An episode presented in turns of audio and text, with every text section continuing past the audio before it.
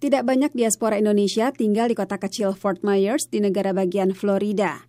Tetapi Muslim Indonesia di sana dikenal aktif beribadah di Masjid Ibrahim yang juga Islamic Center of Southwest Florida atau Pusat Islam Florida Barat Daya. Ketika gempa berturut-turut melanda Lombok, jemaah masjid itu bertubi-tubi menyampaikan ucapan duka cita kepada Muslim Indonesia.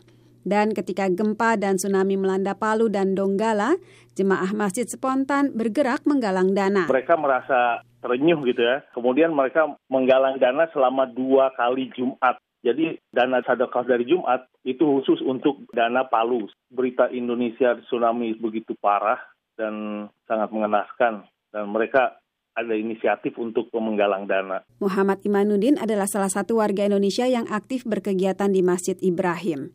Ia merasa terharu ketika pengurus masjid menghususkan sedekah setiap salat Jumat untuk membantu korban bencana di Indonesia.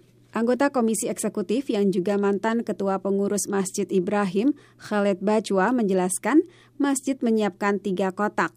Selama dua pekan, masing-masing kotak ditempatkan di tiga bangunan masjid, dua di bagian utama, lainnya di bagian perempuan.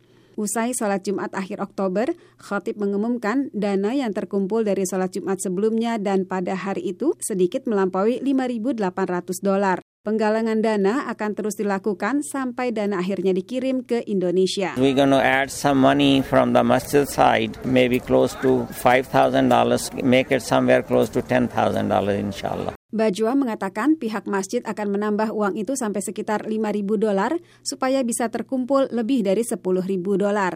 Tidak satupun jemaah masjid itu pernah ke Indonesia.